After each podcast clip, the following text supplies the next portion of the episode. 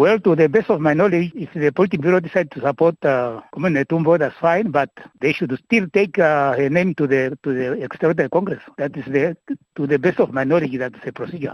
There should be an Extraordinary Congress to endorse her. There will be a vote there will be other candidates, those who want to volunteer. The right procedure is that uh, they, should call an extraordinary Congress to elect the president of the party. The political Politburo can support their candidate, that's fine, but I'm saying the candidate needs still to be approved by the extraordinary Congress.